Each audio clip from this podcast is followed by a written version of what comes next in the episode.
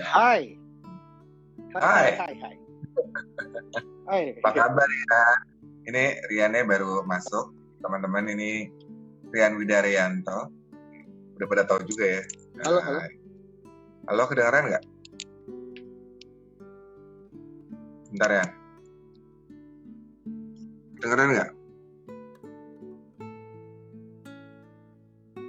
Nah, sudah lebih jelas nggak sih? Jelas sih gue sudah uh, dengar sih suaranya. Kedengeran nggak? Nah, dengeran. Tadi kayaknya sinyalnya agak-agak susah biar gue masuk ke tempat lo gitu. Well, Hmm. apa Sekarang udah, udah jelas. Udah, udah, udah, udah. udah. Baik Pak, baik. Gimana? uh, Oh, lo gimana apa kabar? gue baik sih, alhamdulillah baik. Terus, uh, saya bentar nih, kemarin gak enak banget. Coba di, diatur kan yang biasa nggak di depan kamera kan uh, um, apa ya Apa di ini- sini ya? Nah, nah, nah, nah, itu lebih enak di sini. boleh, Uh, boleh, boleh. Gimana gimana tadi Hmm. pertanyaannya apa kabar baik dan pertanyaan apa kabar terus sekarang di masa PSBB masa pandemi ini kan pasti kalau kalau kita warga biasa kan di rumah gitu ya tapi kalau pembaca berita atau news anchor kan har- harus tetap uh. Uh, menjalankan tugas gitu so uh, kayak apa hari harinya news anchor gue tuh tiga hari kerja, tiga hari libur. Kebetulannya adalah hari pertama gue work from home. Jadi tiga hari Hmm. kerja, piket, tiga hari libur. Dan kalau libur pun sebenarnya rela- relatively kalau anak news tetap kerja ya. Karena kan Hmm. nggak ada berita yang mati kan. Justru saat covid kayak gini tuh durasi Hmm. jam kerja, jam tayang di TV semakin besar. Tuh kenapa? Hmm. Karena orang lebih membutuhkan informasi sekarang gitu. Dan hiburan pun kan kita susah syuting ya sekarang, susah syuting.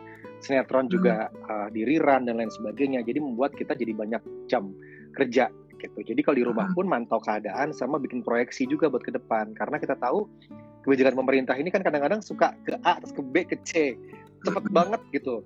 Gak boleh mudik, boleh mudik asal ada surat, gak boleh keluar Jakarta, boleh keluar Jakarta itu harus kita beritahukan ke masyarakat karena terus terang sih Dri, sekarang ini banyak yang rancu gitu orang pada bingung.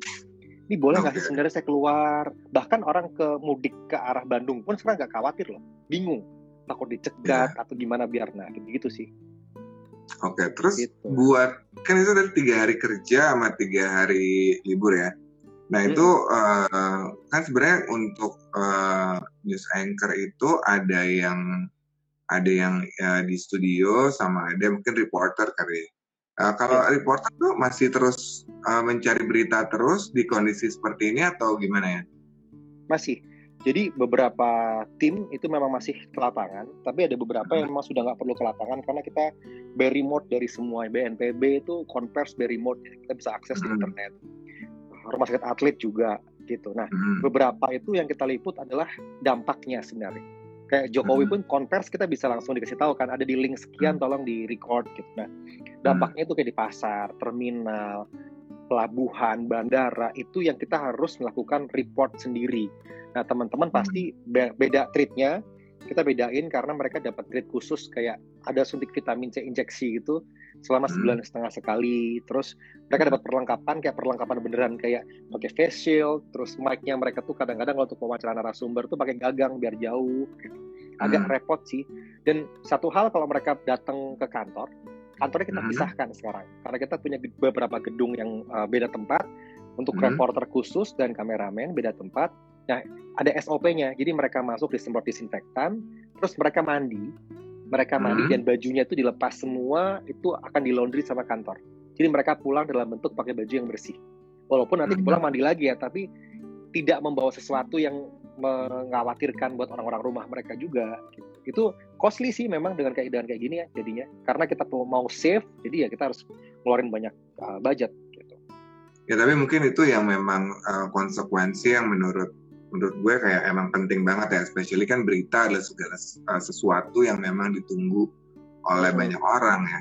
Jadi memang Hmm, hmm. banyak prosedur-prosedur gitu ya nih yang akhirnya menjadi jauh lebih complicated, terus tadi jauh lebih mahal gitu ya. Hmm. Terus uh, buat lo sendiri nih kan kalau misalnya bedanya kan gini kan, kalau misalnya kita gitu ya, ya yang bukan uh, bekerja di media gitu ya, berita itu kan kita nunggunya ya terima aja gitu ya, maksudnya kayak uh, kita bisa bisa bisa bisa bisa baca, kita bisa dengar, tapi kita juga sebenarnya bisa memilih untuk tidak membaca dan tidak mendengar, ya kan?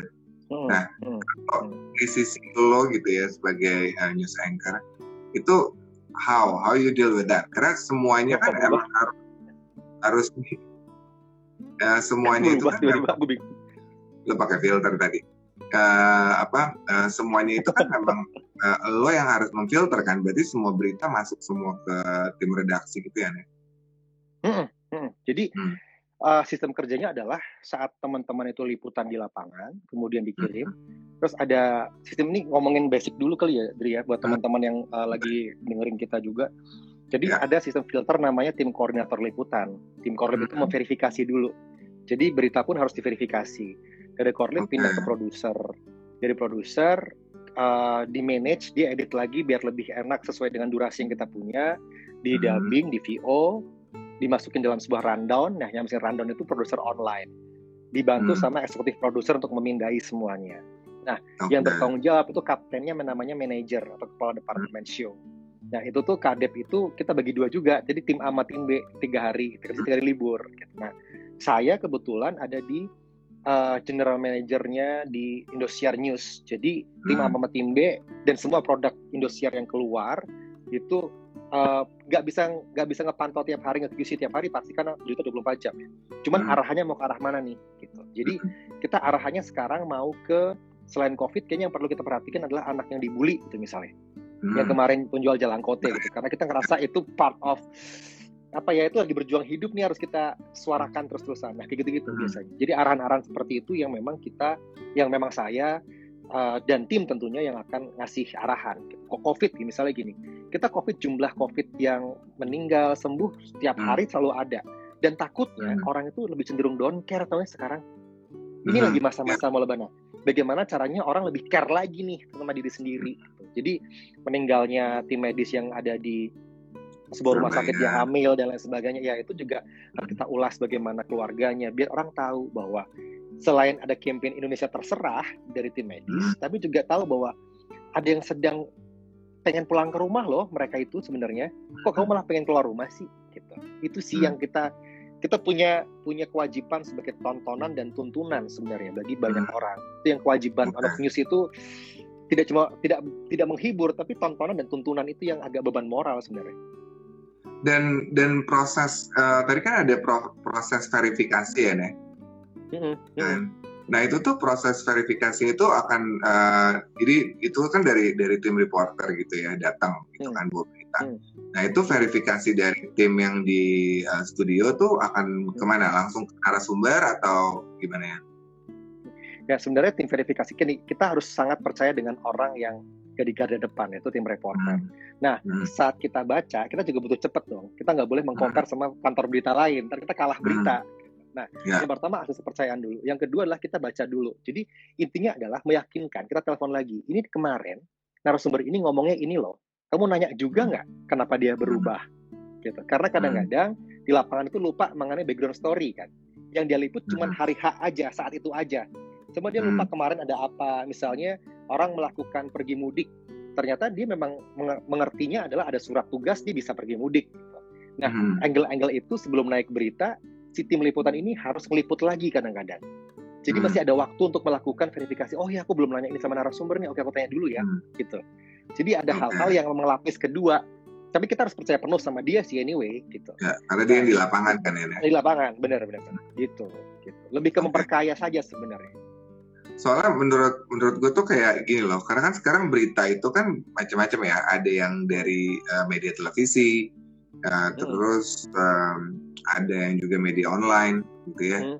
baik online yang memang bentuknya uh, sebuah company atau institusi sama ada yang bentuknya sebenarnya ya pribadi gitu kan hmm. Hmm. Uh, jadi kalau menurut lo tuh men, jadi kalau misalnya apakah semua baik media uh, online maupun media TV itu proses uh, verifikasinya memang dilakukannya kurang lebih sama atau gimana sih ya?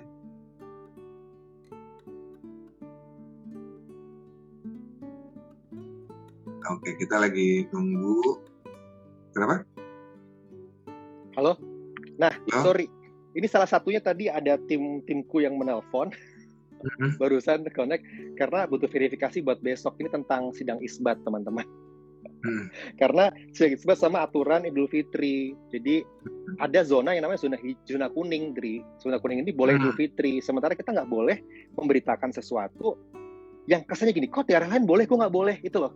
Hmm. Tapi Hmm. kenyataannya memang ada zona-zona kuning pemerintah daerahnya itu membolehkan sholat id. Tapi pasti bagi sebagian orang nggak peduli itu zonanya merah atau kuning. Mau sholat id, sholat id Hmm. aja. Kenapa sih dihalangi beribadah? Nah, kadang-kadang dalam memberitakan berita tuh nggak as it is. Nggak kayak gitu. Hmm. Kita harus kemas biar orang tuh perspektifnya Hmm. seperti apa yang kita inginkan.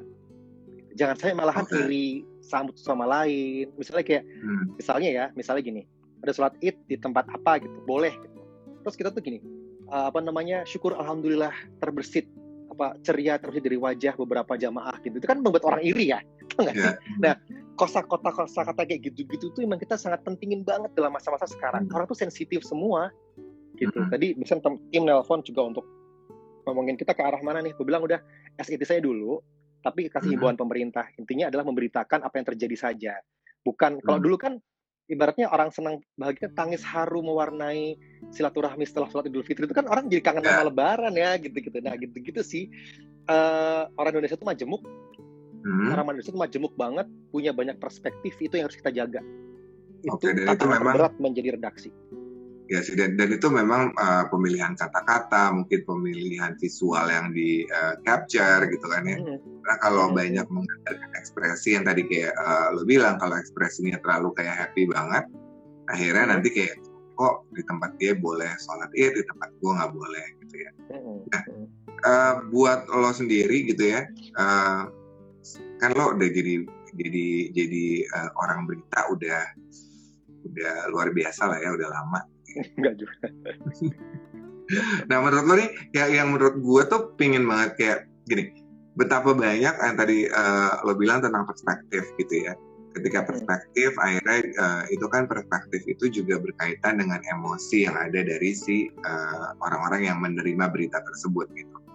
Hmm. Nah, buat lo sendiri ketika lo me- mendapatkan sebuah berita, gitu, how lo mem- memanage eh, ketenangan jiwa lo gitu. Karena kan mungkin ada berita yang kayaknya tuh mengganggu eh, ketenangan lo gitu.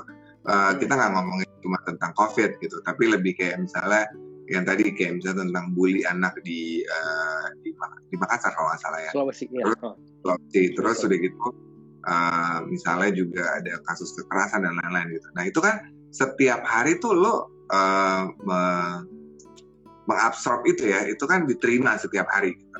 Nah buat buat lo dan teman-teman di uh, redaksi atau uh, pembaca kita itu how lo uh, me- mengatur itu semua? Apakah ada trainingnya ataukah memang lo punya uh, cara tersendiri yang mungkin bisa di share?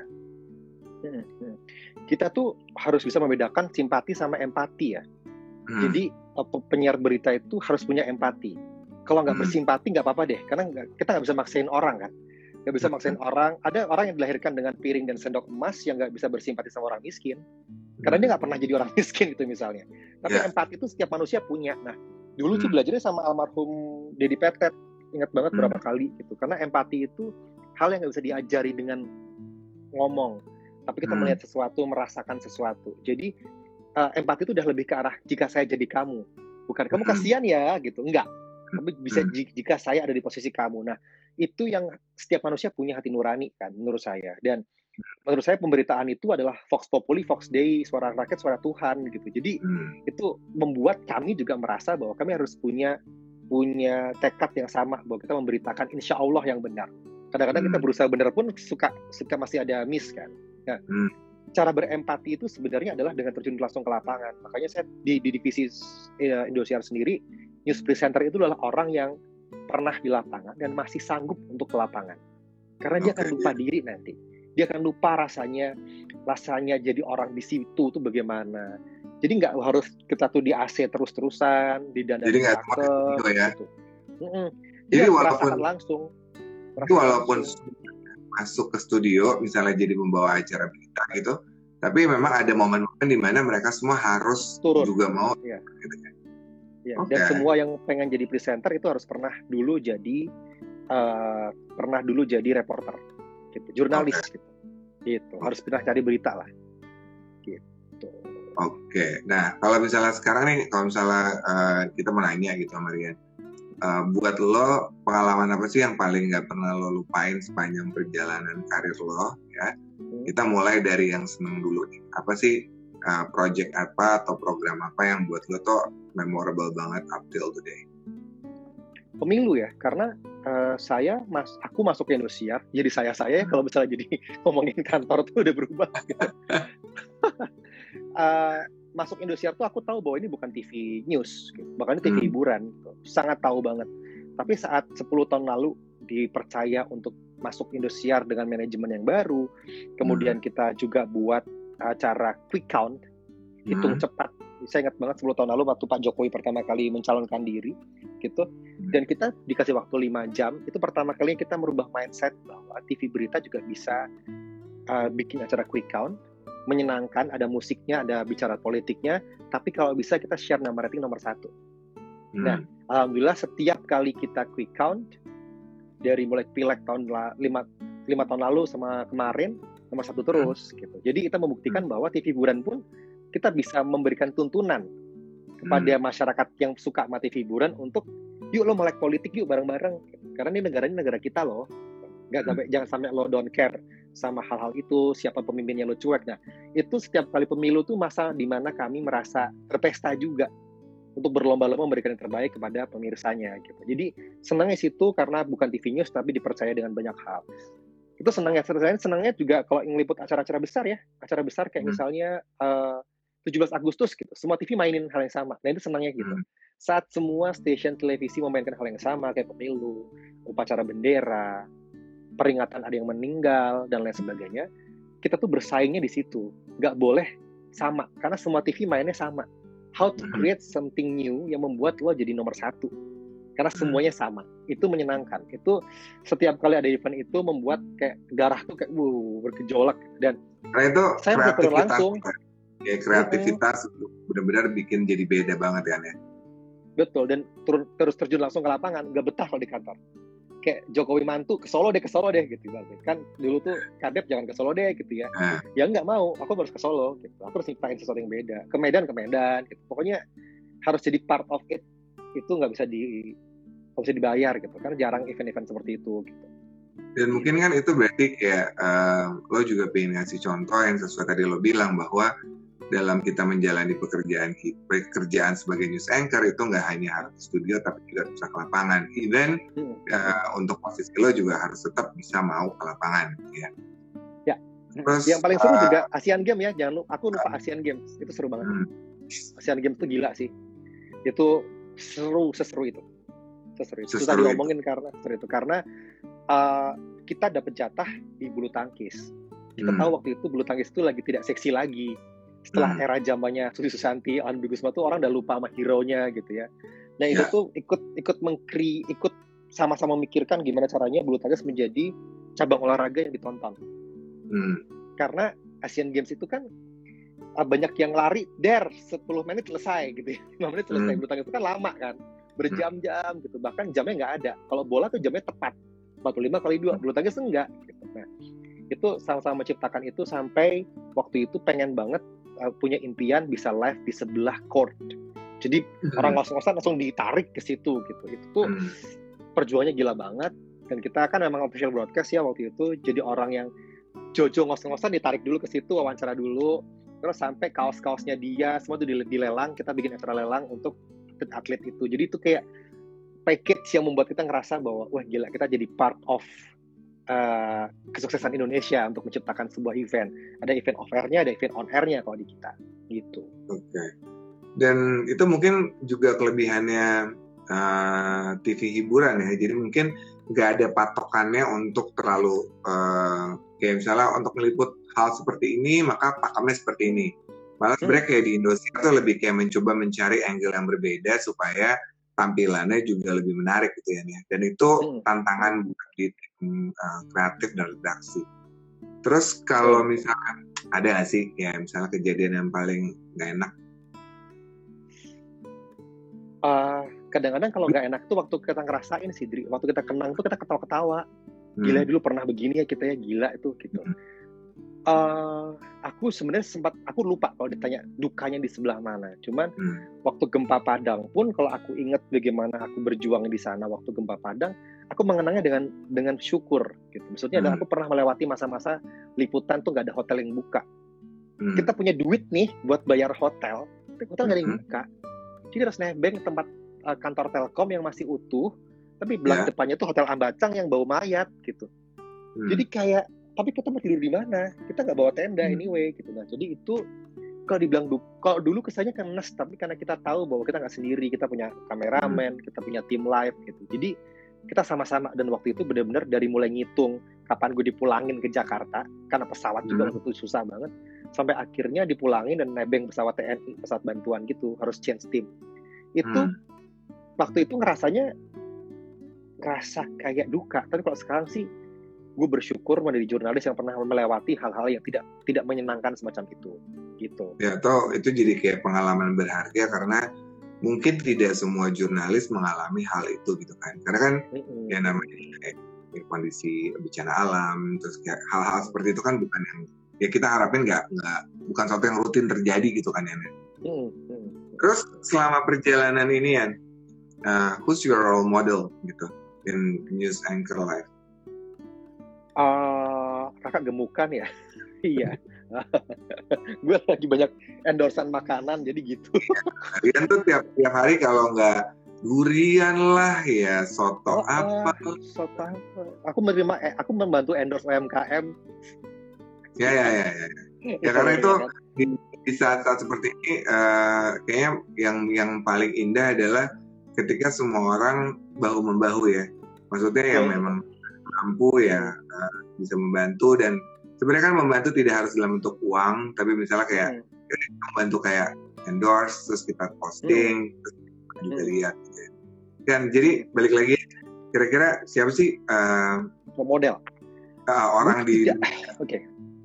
menurut aku uh, aku tidak mau mengkotakkan diri sebagai jurnalis murni ya karena hmm. dalam perjalanan karir waktu aku di Trans TV pun pernah belajar sama Mas Tama gitu misalnya gitu ya. Uh, waktu itu belajar malah lebih ke arah production. Jadi di News 5 tahun belajar production sama Mas Tama. Di Isotama ya sekarang jadi Kemenpar. Di Indosiar waktu belajar mengenai politik waktu itu sama Kang Nur Jaman sama Tina Talisa.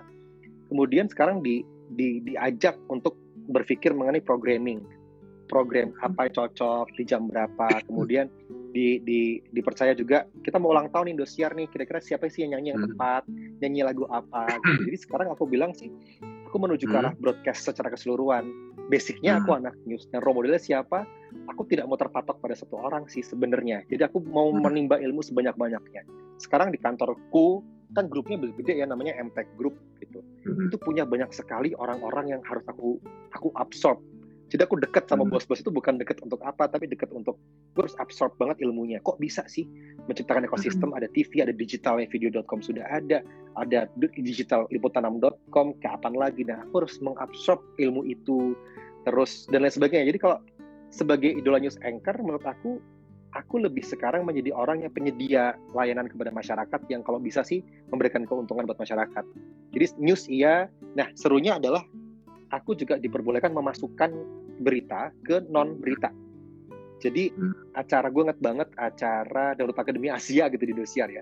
Aku hmm. masukin dua jam tentang paskibraka. Aku bawa tuh semua whole package paskibraka.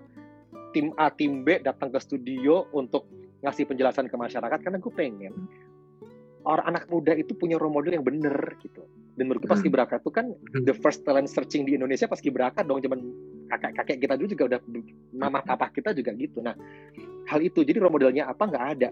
Aku tidak begitu hmm. role model kepada news anchor sebenarnya, tapi lebih kepada mungkin orang-orang yang membuat karya-karya yang dikenang oleh bangsa Indonesia. Ya bisa dibilang hmm. Wisnu Tama salah satu role model gue, Harsiwi Ahmad juga yang sekarang di programming dan secara bisnis, secara broadcast dan secara manajemen aku lagi ngefans sama Pak Tanto Sutanto Hartono yang ada di di kantorku sekarang jadi presidennya di SCM Group gitu ya. So hmm. Aku mau absorb semuanya. Jadi aku mau bikin kayak kompilasi banyak orang di otak gue kalau bisa. Gitu.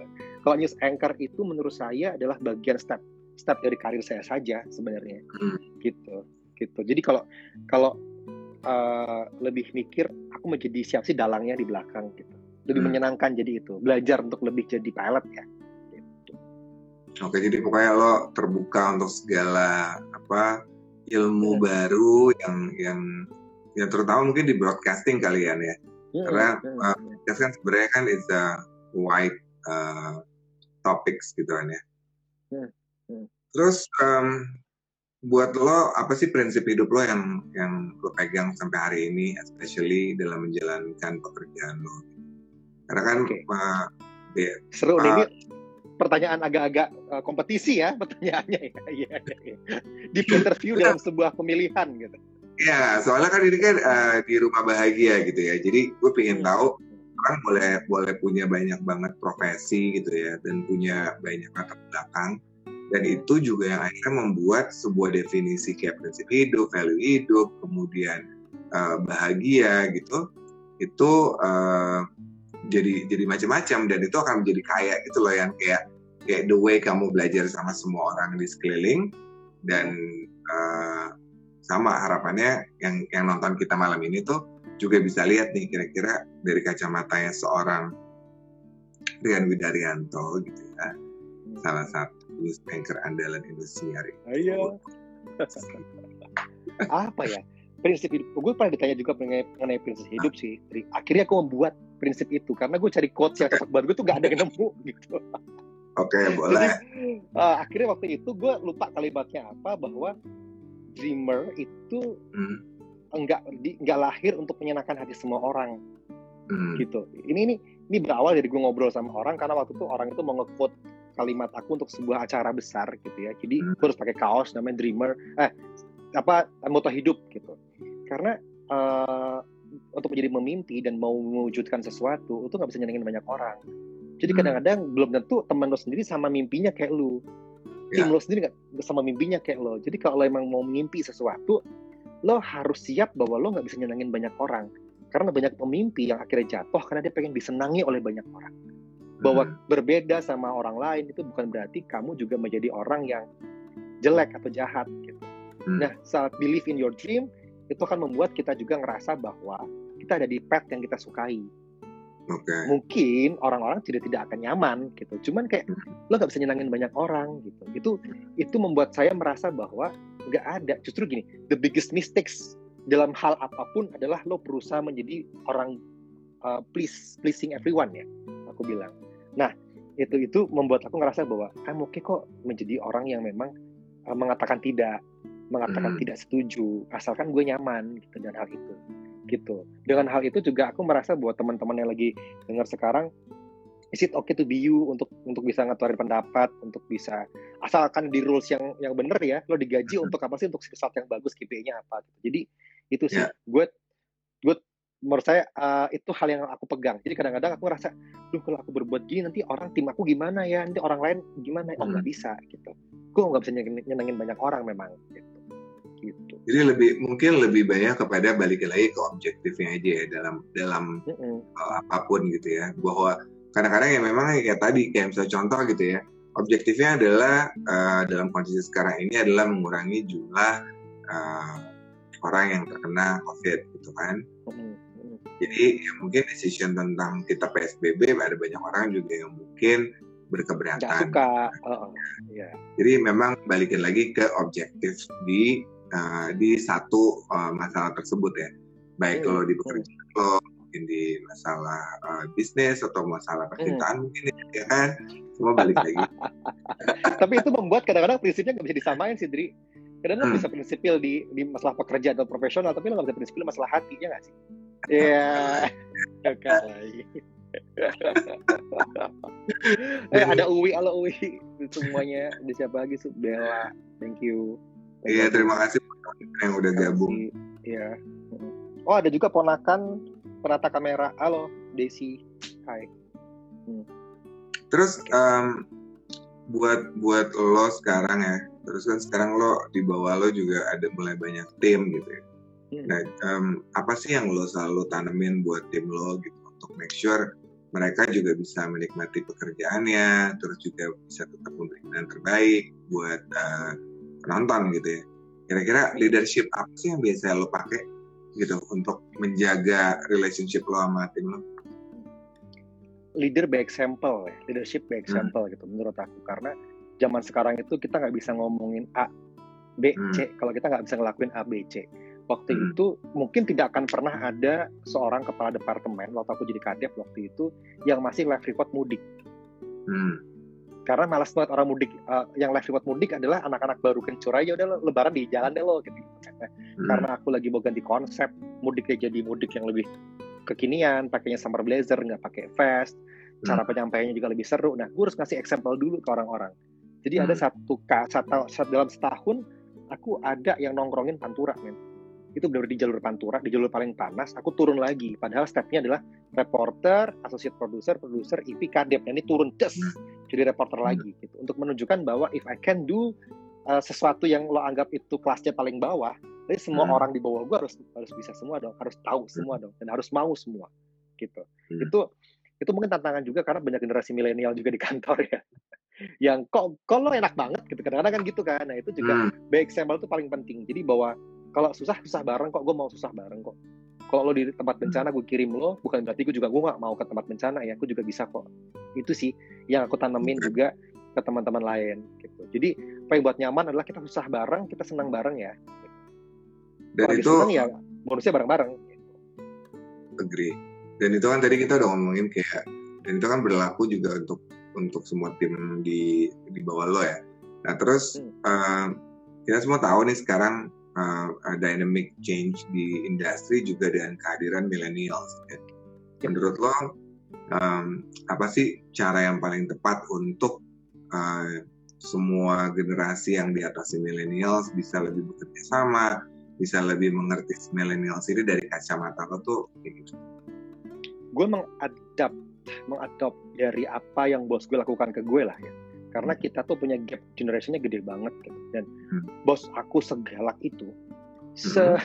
jangan sampai bos gue nonton ya cuy aku teman gue nge-capture se setegas itu tapi dia punya punya toleransi sama gue yang berbeda itu yang aku hmm. adaptasi jadi dia sampai ngomong bahwa saya tahu orang kayak kamu tuh pasti bisa ngomong enggak enggak hmm. mau enggak nyaman juga enggak dan enggak bisa dibeli misalnya kayak gue kasih lo tambahan duit ya tapi lo ngelajain apa gitu aku bisa ngomong aku nggak mau ah gitu. walaupun gue butuh duit tapi gue ngomong I don't want to do that gitu. nah hmm. gue itu merasa didengerin di situ hmm. ada yang ngerasa didengerin ada yang ngerasa bisa involve kepada hal-hal keputusan besar sehingga hmm. membuat aku punya self belonging lebih kepada perusahaan itu yang aku hmm. bawa ke teman-teman aku yang di bawah aku generasinya jadi okay. walaupun lo bagian kecil lo adalah part penting dari perusahaan ini men gitu gitu hmm. nah lo juga bukan gue dengerin kalau lo ngomong enggak gue mau tahu dulu enggaknya kenapa. Dan anak zaman sekarang itu kan lebih parah dari generasi kita ya sangat-sangat mm-hmm. vokalnya gitu. Harus jelas reward and punishment itu harus jelas.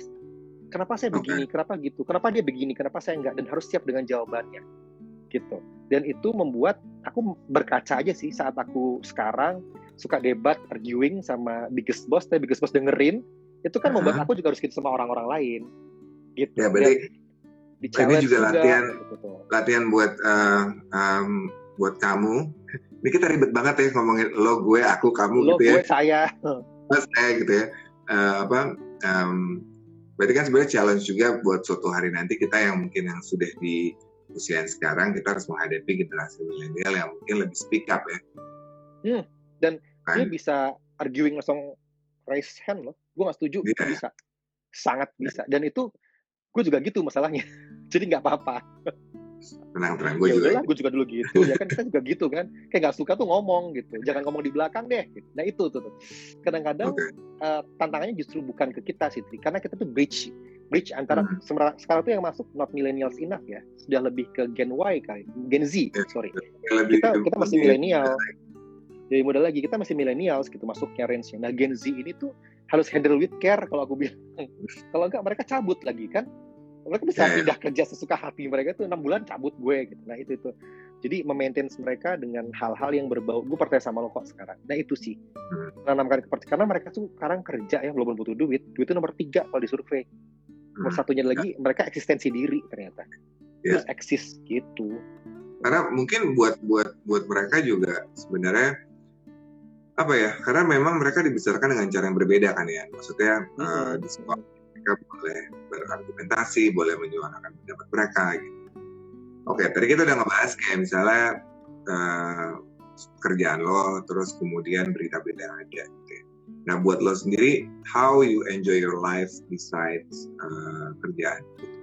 Maksud gue, uh, tentunya dengan kesibukan, kemudian banyak hal yang uh, apa ya, lo kan harus yang tadi lo bilang harus menjaga bagaimana membangun perspektif yang bagus gitu ya. Nah, lo buat menjaga diri lo untuk lebih uh, tenang, lebih sane atau aktivitas di luar kantor tuh biasanya lo ngapain? Gue harus mengelilingi diri gue dari mengelilingi dengan orang-orang yang positif versi gue. Jadi hmm. inner circle gue harus kuat banget. Gue tahu hmm. gue harus nelfon Adri saat gue lagi apa. Walaupun hmm. kita jarang ketemu, tapi gue mau minta makan sama lo, Adri. Walaupun kalau kadang-kadang gak ada pokok bahasan, tapi bisa berjam-jam gitu. Hmm. Gak bisa habis. Gue tahu uh, saat gue mau main badminton gue harus main sama klub yang klubnya itu gue nyaman banget hmm. jadi gue nggak mau gue pernah misalnya ikut klub badminton A sama B gue nggak cocok gue nggak mau ikutan lagi gitu hmm. jadi gue buat diri gue senyaman mungkin karena harga kenyamanan itu nggak bisa dibayar waktu di kantor di kantor kan nyaman gak nyaman harus ngelakuin kerjaan itu kan yeah. Nah kalau kalau kehidupan pribadi gue harus nyaman banget gitu gue harus ada teman yang nyaman untuk gue ajak makan, ngobrol atau nonton itu harus seharus senyaman itu. Makanya lama-lama inner circle-nya jadi kecil banget gitu. Hmm. Dan dan lebih ke arah quality, quality ya pertemanannya, bukan ke kuantitas yang ketemu tiap hari. Tapi gue tahu, gue tahu ada di situ, gue tahu teman gue ini ada di sini, gitu sih. Itu yang gue pegang. Dan saat gue ngerasa bahwa ada orang-orang di luar sana yang care sama gue, I think aku baik saja gitu. Hmm. Ya, berarti lo uh, memastikan bahwa semua energi yang ada di sekeliling lo juga energi yang positif, terus juga nggak ada apa ya? Karena kan mungkin ya benar kata lo ya, Pak di kantor itu kan kita sama sekali nggak bisa memilih apa, tidak bisa memilih rekan kerja. Kita tidak bisa memilih jenis kayak misalnya di tempat lo berita yang masuk akan seperti apa gitu ya. Nah kalau itu kan dari sisi uh, mental ya, uh, bagaimana lo menjaga bahwa orang-orang yang ada di sekeliling lo tuh menjadi uh, positif Nah kalau dari sisi fisik tuh lo ada ada kan kadang-kadang orang selalu bilang kalau sehat mental itu juga harus sehat fisik gitu. Lo ada sesuatu yang lo lakukan yang akhirnya membuat lo juga bisa jadi kayak stress release lo nggak? Sebenarnya sekarang pas covid jadi hilang semua ya. Jadi gitu.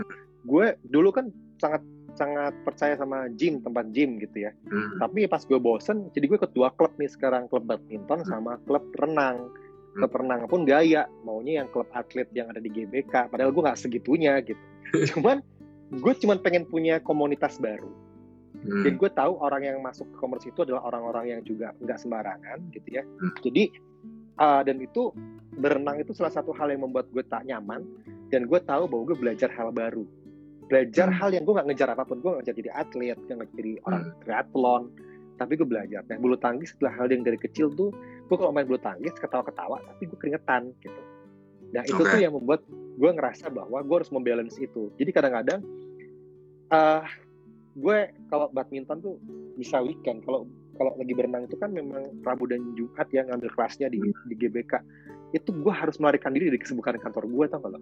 Jam 6 tuh gue harus sampai GBK gue gak mau telat. Segitunya happy-nya tau gak ketemu air yang di akuatik yang keren itu. Hmm. jadi gue gak mau telat. Gue harus ikut kelasnya. Gue ternyata harus ada barang-barang yang harus gue beli. Itu gue beli berapa pun juga nggak apa-apa. Ibaratnya penutup kepala aja gue mau yang kepalanya nyaman gitu. Itu tuh bener-bener hmm. aktivitas yang fisiknya gue nyaman. Karena gue olahraga mentalinya tuh habis itu gue rilis banget. Gue lepas dulu dari hingar-bingar hmm. pemberitaan di Indonesia ini gitu. Itu sih karena kalau gym doang kan ya gitu doang. Dan menurut menurut lo itu emang suatu udah kayak needs gak sih? Itu kebutuhan bahwa especially untuk orang-orang yang memang uh, apa ya bekerja atau sering kali mendapatkan berita yang uh, tidak bisa disaring ya. Maksudnya kan berita-berita itu kan ya datang dan pergi mau-maunya aja gitu kan dan bisa banyak perspektif. Uh, do you think kayak balance antara balance antara kesehatan mental lo sama kesehatan fisik itu tuh selalu lo jaga nggak setiap hari? Iya, Iya, kadang-kadang dulu tuh gue pernah gak pernah ikut Car Free Day, tapi gue pernah mm-hmm. paksain bangun pagi Car Free Day karena gue pengen rilis. Gue mm-hmm. coba pengen lihat gedung-gedung, jalan kaki bengong sendirian itu pernah. Karena ternyata okay. dengan hal itu gue rilisnya tuh se semurah itu loh gue coba bangun pagi doang ngeluarin duit gue parkir di kantor gue juga yang sudah berbayar gratis tiap bulan gue jalan kaki nggak lari even nggak lari tapi gue ngerasa bahwa gue rilis jadi ternyata emang gue harus melakukan sesuatu di luar kebiasaan gue sehari-hari yang menyangkut fisik ini ya apa uh, Ya. kegiatan fisiknya Hmm. Dan kayaknya sekarang kita lebih lebih apa ya, terutama dengan kondisi yang sekarang kita lebih menyadari bahwa suatu hal yang sederhana yang simple tuh kayak means a lot ya. Simpel Jadi kayak- bener ya Iya, simple means a lot gitu. Karena dulu mungkin um, kita banyak banget kesibukan, kerja sampai malam, gitu kan. Uh, sekarang kita punya lebih banyak waktu buat diri kita sendiri. Hmm. Oke. Hmm. Jadi um, buat teman-teman yang udah join, terima kasih. Ini um, obrolan sama Rian tuh emang selalu gak berasa ya. Karena uh, by the way kita kenal tuh udah kayak 10 tahun lebih kali ya nih. Since ages ago. Ya nggak sih? iya iya 10 Iya tahun kan? bener, bener. Iya. gue di Iya, Jakarta gue di Jakarta 14 tahun gue kenal lo selama 2, dua tahun di Jakarta belum kenal sama lo Tuh, kenal anak Iya. gaul bernama Adri Basuki Jadi Iya. uh, Rian itu dulu tuh lu, sab uh, lu temenan sama teman gue dulu kan sama, sama Rizal. kan? Rizal heeh. Rizal di Iya. Amerika Iya. sekarang ya kan Gitu. Nah, um, temannya teman jadi kita temenan juga tapi Iya, waktu benar, benar, gue gak pernah kontak sama Rizal Iya? saya jarang pulang, dia jarang pulang. Iya dia Nah. pulang. Rian, sekarang nih uh, sebelum uh, sebelum kita uh, waktunya habis, kira-kira cuma satu jam, biasanya langsung Hmm. tuk, mati gitu. Mm-mm. Nah, menurut lo nih pertanyaan yang paling penting nih, bahagia menurut lo tuh apa sih? bahagia menurut gue gini, banyak orang ditanya bahagia itu apa itu jawabannya tuh klise bahagia Hmm. saat orang di sekeliling kita bahagia bener nggak banyak yang ngomong gitu kan aku nggak setuju Tri gimana lo Hmm. bisa ngebahagiain orang lain kalau sendiri nggak bahagia jadi Hmm. statement itu aku sangkal guys sorry kalau lo punya statement yang kayak gitu bahagia itu menurut gue adalah nyaman Oke. saat lo nyaman dengan semuanya jadi bahagia lo dapat duit banyak tidak mean lo kan bahagia kalau lo nggak nyaman Hmm. jadi lo nyaman dengan apa yang lo miliki, lo nyaman dengan pasangan lo, lo nyaman dengan Hmm. pekerjaan lo, lo nyaman dengan semuanya, tanpa harus Hmm. berlebih tapi nyaman, itulah bahagia. Karena kalau Oke. ngomongin, kok bahagia kalau punya uang eh, berapa miliar gitu di tabungan gitu, it doesn't mean lo nyaman apa enggak dengan itu gitu. Jadi mencari mencari kebahagiaan dalam mencari kenyamanan equal menurut gue. Hmm, Sama dengan kalau misalnya lo punya pasangan yang keren banget A B C D E gitu ya. Tapi kalau lo nggak buat nyaman akan nggak bahagia kan pastinya. Gitu. Iya, Jadi menurut gue nyaman sih. Nyaman itu banyak. Kalau kalau misalnya menurut lo kayak misalnya nyaman gitu ya, nyaman itu kan sebenarnya juga uh, sebuah rasa yang perspektifnya banyak gitu ya nih. Kalau Iya. lebih apakah itu juga bentuknya lebih kayak lo uh, self acceptance. Jadi lo menerima segala kondisi yang ada dalam diri lo atau di sekeliling lo tuh baik gitu. Sehingga lo ya you can feel nyaman gitu. Is Iya. it? Betul. Setuju. Jadi Setuju. kita tarik lagi ini dari nyaman terus dari self acceptance terus akhirnya bersyukur gitu. Mm-mm. Mm-mm. Menerima dulu, nerima dulu gitu. Orang Jawa kali ya, gitu ya. Gitu. Jadi terima dulu. Oh gitu toh, gitu. Hmm. Makanya nyaman itu kan lo, lo tahu lo punya kekurangan, lo tahu keuangan lo punya kekurangan, lo tahu Hmm. perusahaan lo punya kekurangan. Tapi kan menerima dulu, jadi lo nyaman. Hmm. Gitu. Nyaman itu lo gini, ibaratnya gini, ada orang yang kesel sama kantornya tapi nggak resign resign karena pasti nyaman. Ya, Ada hal yang buat gue. dia nyaman. hmm. ya kan itu hal yang gue nyaman itu cinta itu nyaman tuh di situ lo gak putus sama pacar lo lo berantem mulu tapi kan lo pasti ada sisi yang nyaman di situ. Ada klik Hmm. yang nggak bisa di di diterjemahkan Mm-mm. Oke. gitu ya. Nyaman itu ya mudah-mudahan kita punya kenyamanan di semua sisi ya. Kadang-kadang nyaman tuh cuma dari 10 tuh 7 tiganya nggak nyaman gitu dalam sisi hidup gitu. Ya, dan itu menurut nyaman. itu juga menurut gue memang kenyamanan itu pun atau kebahagiaan itu pun um, nggak bisa total ya. Karena kan sebenarnya ya kita bisa merasa nyaman itu karena kita punya penerimaan yang baik gitu ya jadi kalau ada kalau gue sih biasanya kalau dari tujuh lima aja udah oke ya kita bisa bersyukur bahwa itu jauh lebih baik daripada kita cuma punya satu yang nyaman daripada yang lain gitu ya. ya itu yang menyebabkan kadang-kadang rasa bersyukur itu bisa tumbuh Karena Hmm. kalau kita mikir gelasnya kosong doang, aduh tiganya kurang nih, kurang perfect. Eh, bisa sih. Semakin dewasa kita kali ya, lo tahu perja perjalanan karir eh perjalanan hidup gue dari mulai gue ke kanak-kanakan kesel, benci, dendam, uh, anxious gitu sampai sekarang tuh ya. itu jadi buat, lah ya. Iya, buat, buat semua teman-teman kita berteman dari umur kita masih kepala dua gitu ya. Jadi memang banyak hal yang kita pelajari bersama. Uh, jadi di pertemanan kita uh, dari yang mungkin dulu kita termasuk orang yang cukup keras dalam menjalankan apa pun yang kita mau ya. Betul. Terus, sangat. Dan terus kita belajar pelan-pelan bahwa kita ter, uh, kita nggak bisa uh, selalu keras atau terlalu ikutin apa yang kita mau. Terus tadi yang kita Rian bilang bahwa uh, ternyata dalam hidup kita ya walaupun kita berusaha sebaik mungkin kita tidak bisa membahagiakan semua orang. Kita hanya perlu membahagiakan orang-orang yang memang um, ada impactnya atau uh, juga memberikan energi positif buat kita ya nih. Jadi kadang-kadang uh, kan sedih itu pasti ada ya Dri, gitu ya. Hmm. Sedih, kecewa, kecewa hmm. itu pasti ada gitu. Cuman uh, ini lagi belajar. Nah, karena aku hmm. belum punya wisdom sih, tapi kan yeah. aku harus belajar menjadi orang yang wise dong. Aku hmm. merasa bahwa everything happen for a reason. Jadi Tuhan tuh ngasih sesuatu sama kita pasti ada reasonnya gitu. Hmm. Kadang-kadang aku kecewa sama satu hal gitu. Tuhan kenapa sih nggak gitu gitu? Kenapa sih harus begini? Hmm. Cuman Tuhan tuh kayak mau ngasih sesuatu, jangan dulu nak gitu. Mungkin akan buat lo tapi nanti ya. Tapi nah itu tuh yang membuat aku ngerasa bahwa kalau aku lagi sedih, aku ingat-ingat terus itu. Aku serahin lagi sama Allah lagi, serahin lagi. Ini punya punya kamu kok hidup aku gitu. Tolong dong di arrange dong, karena aku nggak bisa ngerange diriku sendiri gitu. Itu yang aku sampaikan waktu aku di depan Ka'bah ya waktu itu sendirian. Hmm. Sendirian umroh juga sesuatu hal yang membuat gue apa ya apa namanya introspeksi dirinya lebih dalam. Yeah. Gitu udah Tuhan ya selalu deh gitu gue juga nggak tahu nih hidup padahal nggak ada masalah tapi kesannya tuh hidup tuh bermasalah gitu pikir-pikir lagi iya ya gue tuh kurang apa juga sebenarnya gitu. ya itu itu yang mungkin yang tadi masalah perspektif ya jadi mungkin uh, ketika kita belajar tentang perspektif tentang cara pandang gitu ya tentang cara hmm. pikir mungkin kita akan bisa melihat bahwa di setiap gelap itu pasti ntar ada terang di setiap sulit pasti ada senang gitu ya jadi um, gue, apa gue hmm. nemu satu hal yang bagus banget ya dari gue nemu satu hal yang bagus nih aku share hmm. jadi eh, intinya adalah orang baik itu masih ketemu sama orang jahat kok Cuma pasti orang jahat setelah ketemu sama orang baik nah lo nah. pengen ketemu sama orang jahat jadilah baik lo pengen ketemu sama orang baik jadilah jahat. Jadi kadang-kadang kalau lo jadi anak baik, lo pasti ketemu orang jahat. Jadi saat lo ketemu sama orang yang jahatin sama hidup lo, lo ngerasa bahwa alhamdulillah ya, saya jadi ternyata saya tuh di dalam kategori orang baik karena saya dijahatin. Hmm lo ngejahatin orang lo yakinlah orang itu sebenarnya orang baik. Gitu. Itu yang membuat gue ngerasa lo pengen jadi orang baik orang jahat nih. Gitu. Orang baik ya tantangannya ketemu sama orang jahat sebenarnya.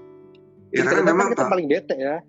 Ya tapi soal tantangan memang akan selalu ada kan ya coba gue juga selalu berpikir bahwa kalau misalnya kita terus berbuat baik um, mungkin uh, bisa dibilang adalah banyak juga orang baik yang akan datang ke kita gitu. Cuma memang tidak menutup kemungkinan bahwa kita akan bertemu dengan orang jahat gitu.